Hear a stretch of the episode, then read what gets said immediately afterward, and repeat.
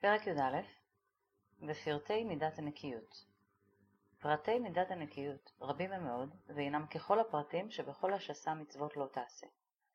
כי אמנם עניין המידה, כבר אמרתי, שהוא להיות נקי מכל ענפי העבירות. אולם אף על פי שבכל העבירות משתדל היצר הרע להחטיא את האדם, כבר יש מהם שהטבע מחמדן יותר, ובהן מראה לו יותר היתרים, אשר על כן יצטרך בהם יותר חיזוק, לנצח את יצרו ולהינקות מן החטא. אומר הרב מסלט הישרים, שאמנם הפרטים של להיות נקי כמובן הם אה, ככל הפרטים של 365 מצוות לא תעשה. יש את המצוות ויש את כל פרטיהן, כל הנסיבות הפרטיות שלהן, ואומר הרב, אדם שרוצה להיות נקי יהיה נקי מכולם. ולמרות שכמובן יש את הפיתוי או את העמידה בניסיון בכל אחד מהמצוות האלה, יש את העניין שלה, אומר הרב, יש מצוות שהטבע האנושי הוא חזק בהם יותר, והתאווה בהם חזקה יותר, ולכן שם צריך יותר זהירות. ואחד מהם, כמו שהוא מיד יאמר, זה העניין של הממון, לחמוד ממון, וכתוצאה מזה העניין הזה של גזל, וזו לשון הרב. והנה אנחנו רואים שאף על פי שלרוב בני האדם גנבים בגלוייהם, דהיינו שישלחו יד ממש בממון חבריהם לקחת ולשום בכליהם, אף על פי כן רובם תואמים טעם גניבה במסעם ומתנם, במה שיורו היתר לעצמם להשתכר איש בהפסדו של חברו, ויאמרו להרוויח שני. להרוויח שני, כלומר להרוויח בסדר, זה בסדר. הרב מעמיד אותנו כאן על איזושהי נקודה שעד שלא לומדים תורה לדעתי בחברה המערבית הקפיטליסטית שבה אנחנו חיים, אין שום יסוד לסבור כך. אומר הרב, עצם העובדה שאתה חושב להרוויח, שהעניין שלך במשא ומתן הוא להרוויח, זאת בעיה. כי זה אומר שבהכרח מישהו יפסיד. כלומר, אתה מחפש להרוויח על חשבון מישהו. וזה לא מתוקן, רחוק מלהיות מתוקן, ומיד הוא יפרט. בשבילנו רק נגיד עכשיו שעצם העניין הזה של ההסתכלות, בשביל מה יש משא ומתן בעולם, בשביל מה יש מסחר בעולם. לכאורה אפשר לחשוב שיש את זה רק מטעמים פרקטיים.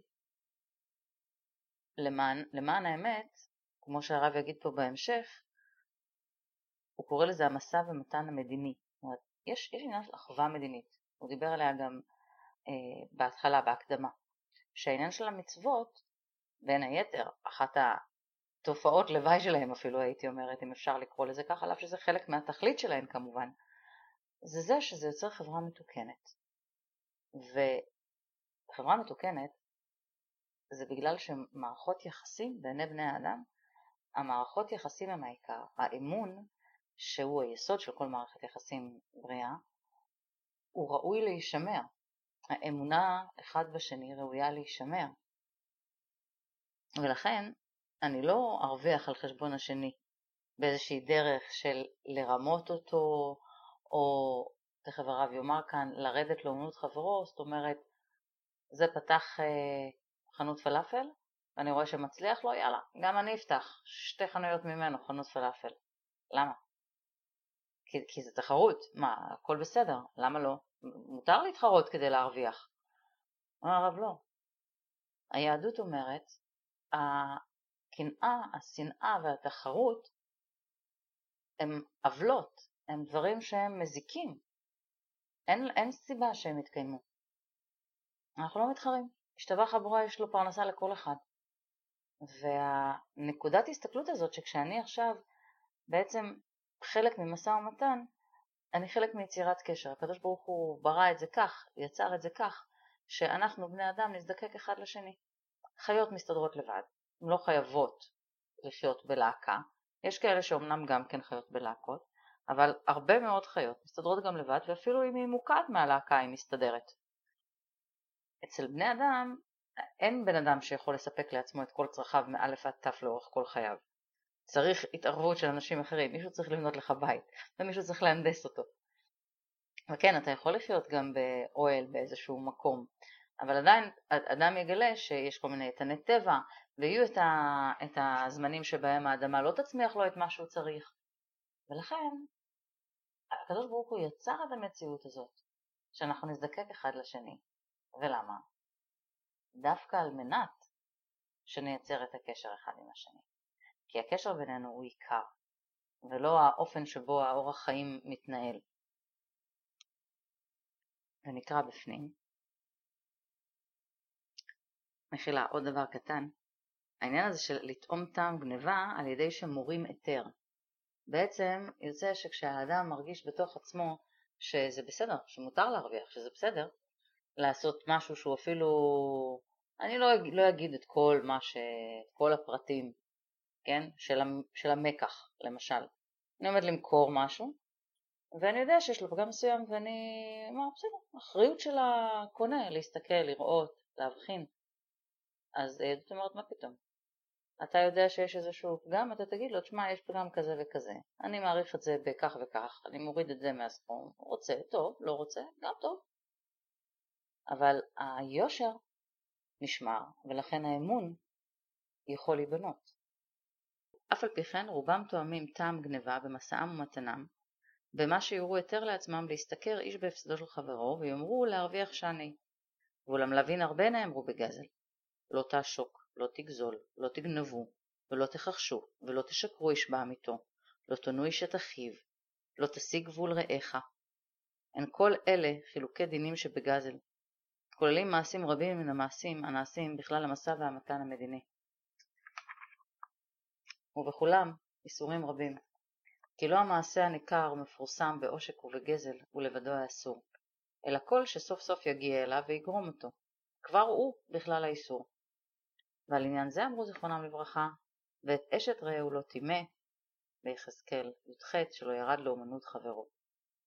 כלומר, אומר הנביא בפרק י"ח, י"ח ששם הוא מתאר אה, איש צדיק ומתאר את התכונות שלו, ואחד מהדברים שהוא אומר, אשת רעהו לא טימא, ומסבירים חכמים שלא ירד לאומנות חברו, כמו שאמרנו, אם אדם פגע בפרנסה של החבר שלו, זה כאילו הוא לקח לו את אשתו. עד כדי כך. אתה פולש לאיזה מקום פרטי, אינטימי, של האדם, שיש בו אפילו בחינה רוחנית, כי פרנסה של האדם מן השמיים, ואתה עכשיו מתערבב לו שם. אתה מטמא את המקום הזה. וכבר היה רבי יהודה, עד כמה זה מגיע? מה זאת אומרת לא להתחרות באופן כזה שיפגע בפרנסה של האחר? כבר היה רבי יהודה אוסר לחנווני, מוכר מכולת, שלא יחלק כליות ואגוזים לתינוקות כדי להרגילן שיבואו אצלו. ולא התירו חכמים, אלא מפני שגם חבריו יכולים לעשות כן. בבא מציע סמך. אומר הרב, רבי יהודה אומר שלמוכר מכולת אסור לתת כל מיני ממתקים, דברים קטנים, פינוקים, חטיפים לפעוטות, לילדים הקטנים, שיתרגלו לבוא דווקא למכולת שלו, ואז כשההורים ילכו לעשות קניות, הילדים כמובן ימשכו אותם למכולת שלו. ולמה? כי זו תחרות שהיא באה להעמיד כביכול יתרון לא הוגן, לא הוגן שהשני לא יוכל לעמוד בו. ואז אתה מוציא אותו מן התחרות, אתה פוגע לו בפרנסה. והסיבה שהחכמים שחולקים על רבי יהודה לבסוף התירו את העניין, זה רק בגלל שגם אחרי המכולת האחרים יכולים לנקוט באותה גישה. זאת אומרת, זאת תחרות, הם, הם למעשה פסקו שזו תחרות שכן יכולים לעמוד בה.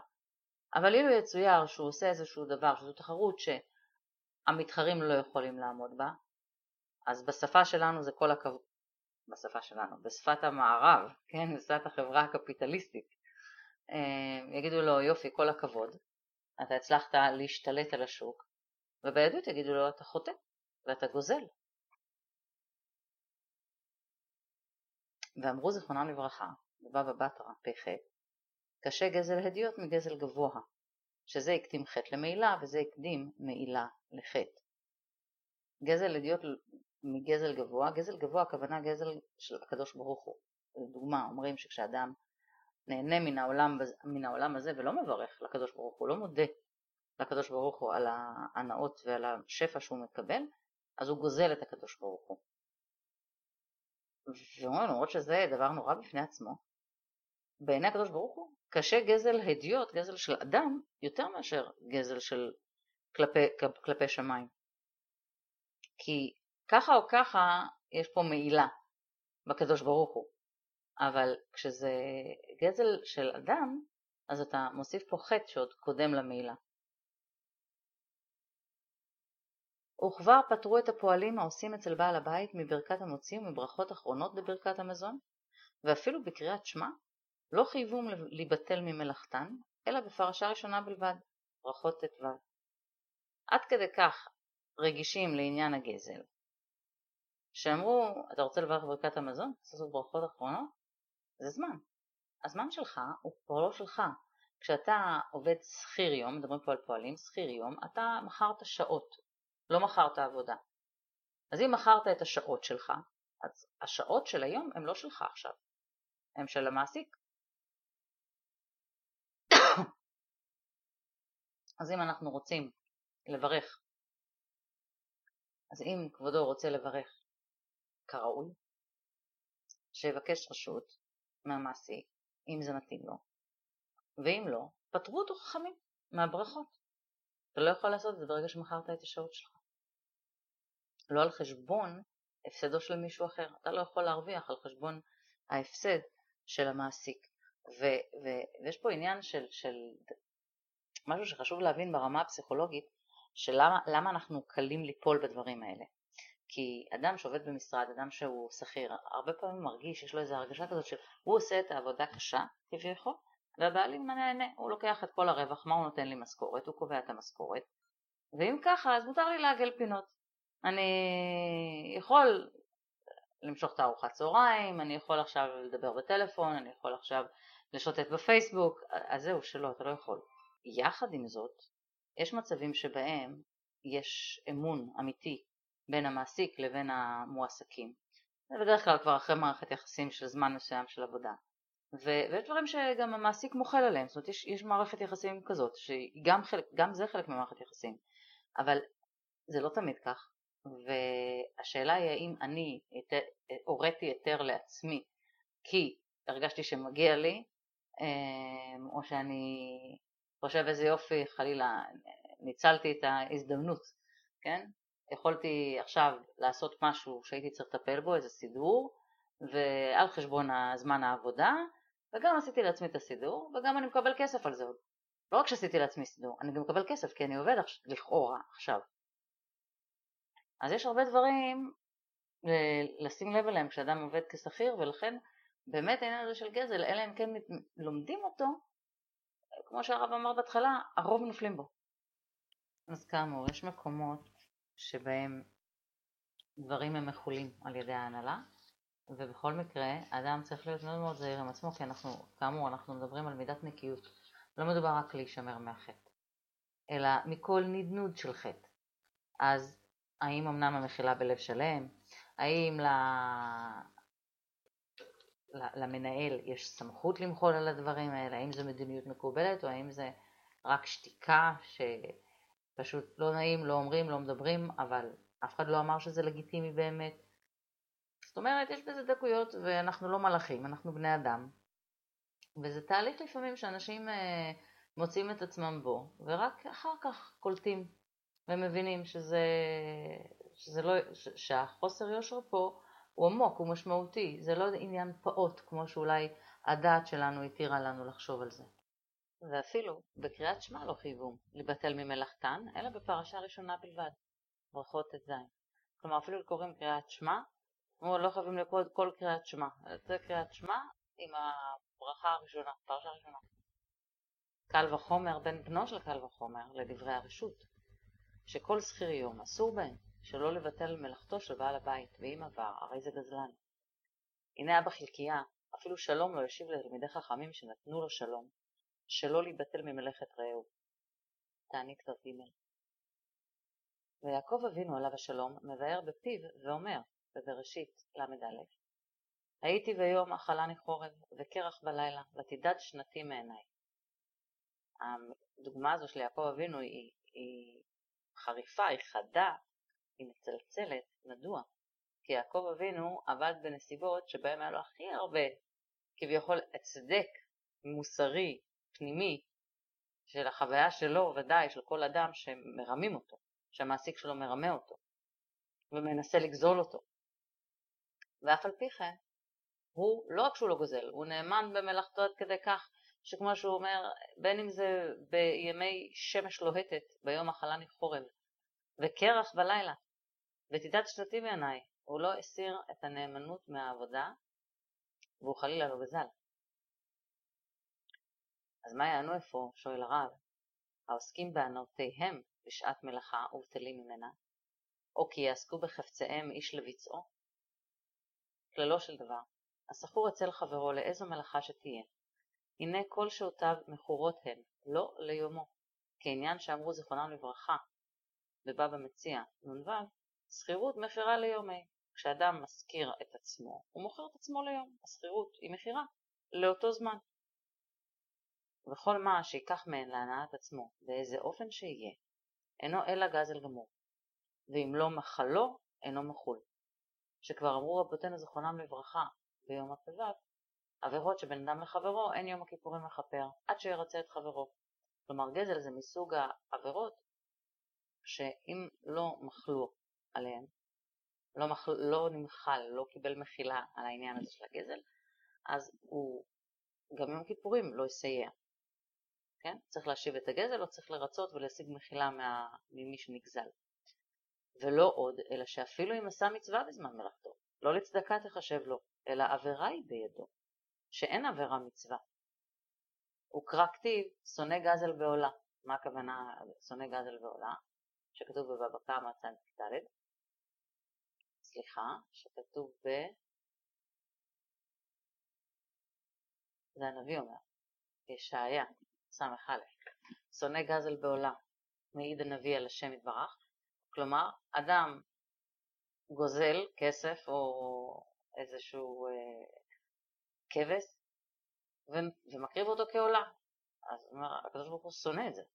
אי אפשר לעשות מצווה על ידי עבירה. וכעניין זה אמרו זכרונם לברכה בבבא קמא צדיק ד', הרי שגזל שאה חיטים הוא תחנה והפאה ומברך. אין זה מברך אלא מנאץ. דכתיב תהילים י' ובוצע ברך נאץ אדוני. כלומר, מישהו גנב, גזל, לא גנב, גזל כמות מסוימת של חיטים, והוא זה שטחן אותה לקמח, זאת אומרת, הוא העביר אותה את כל התהליך, והוא אפה אותה, ועכשיו הוא מברך, הוא אומר, זה לא לברך, זה לקלל. ועל כיוצא בזה נאמר, אוי לו, לזה שנעשה סנגורי קטגורו. שנעשה סנגורו קטגורו, כלומר, כל מצווה שאנחנו עושים, אומרים, היא כמו, לא כמו, כל מצווה, כל דיבור טוב, בורא מלאך, בורא סנגור לאדם. ולהבדיל, כשעושים את ההפך. אז הוא אומר, הברכה אמורה להיות, זה מצווה, זה אמור להיות הסנגור של האדם. אוי, למי שעושה מצווה בעבירה, ולכן הסנגור הזה, במקום להעיד עליו טובות, הוא מעיד עליו את ההפך. וכמאמרם זכרונם לברכה בירושלמי סוכה פרק ג' בעניין לולב הגזול. והדין נותן, כי הרי גזל חפץ גזל, וגזל זמן גזל. זאת אומרת, אם אנחנו גוזלים משהו פיזי, גזלנו, וגם אנחנו גוזלים זמן שבעיקרון אנחנו כבר מכרנו למישהו אחר, הזכרנו את עצמנו, זה גם גזל. ומה מי שגוזל את החפץ כמו לולב הגזול ועושה בו מצווה נעשה סנגורו קטגורו, אף גוזל הזמן ועושה בו מצווה נעשה סנגורו קטגורו. ואין הקדוש ברוך הוא חפץ אלא באמונה, וכן הוא אומר בתהילים ל"א, אמונים נוצר אדוני. ואומר, פיתחו שערים ויבוא גוי צדיק שומר אמונים. ואומר, עיניי בנאמני ארץ לשבת עמדי. ואומר, עיניך עלו לאמונה. בעצם מה שהרב אומר כאן בגדול, זה שוב כמה האמון הוא היסוד ההכרחי, החשוב, היקר של המציאות החברתית והתקשורת הבין-אישית המתוקנת. הוא אומר, הקדוש ברוך הוא חפץ באמון, באמונה, ביושר. זה שבזכות היושר שלנו וההקפדה על הנקיות שלנו אפשר יהיה בקלות לתת אמון. אפשר יהיה לחיות אוויר, באווירה של אמון. וזה באמת, אני חייבת להעיד, שיש הבדל. כמי שעסקה בעולם המסחרי אה, תקופת מה, בעולם החילוני, ו, וגם כמי שהזדמן לה לעשות דברים מסוימים כאלה עם אה, גורמים שהם אה, שומרי תורה ומצוות. ואומנם ודאי זה נכון שבכל קהל, בכל ציבור יש ויש, אבל באופן כללי הרבה יותר קל לעשות עסקים עם שומרי תורה ומצוות. כמובן שמדובר ביראי שמיים אמיתיים, השתבח הבורא שכך זימן, אבל אנשים שהם יראי שמיים, יותר קל לעשות איתם עסקים, יותר קל גם נניח אם מתחייבים לאיזשהו זמן מסוים ל- לעשות את הדבר עד זמן מסוים, משני הכיוונים, אנחנו חיים תודעה שבה אנחנו, יש בינינו אמון, אנחנו יראי שמיים, ברור לנו שאנחנו עושים הכל, משתדלים לעשות את הדברים הכי טוב שאפשר ובזמן היאות, אבל אם יתערבו כל מיני עניינים, אז הדיבור הוא שונה. ההכרה בזה שהקדוש ברוך הוא יכול להתערב והחיים של בן אדם יכולים אה, לקבל איזושהי תפנית מסוימת ומשהו יידחה עכשיו, וזה בסדר, זה לא נורא, לא צריך לרוץ עם זה לבית משפט. זה עניין של תודעה, זה עניין של גישה לחיים. והתורה והמצוות בכללותה, היא מכוונת אותנו לחיות חיים שהם בעצם הרבה יותר נכונים מצד הקשרים שיוצרת בין בני אדם. הבחירה הזו בסלחנות, הבחירה הזו בענווה, העבודה על זה שאני אנקה את עצמי, אני לא צריך שישימו לי גבולות, אני שם גבולות לעצמי, אני נזהר על הגבולות של אחרים. זה, כשאני אומרת האמת שלי, אני משתדל להגיד אותה ממקום של אהבה, ואם אני חושב שהיא לא תישמע אז אני לא אשמיע אותה. יש הרבה מאוד פרטים של חיים מתוקנים, שבאים דרך אותן מצוות, גם המצוות שהן אה, לא תעשה, וגם המצוות שלה תעשה. אנחנו נעצור כאן ונמשיך בעזרת השם מחר. תודה רבה על ההקשבה. ברוך ה' לעולם, אמן ואמן.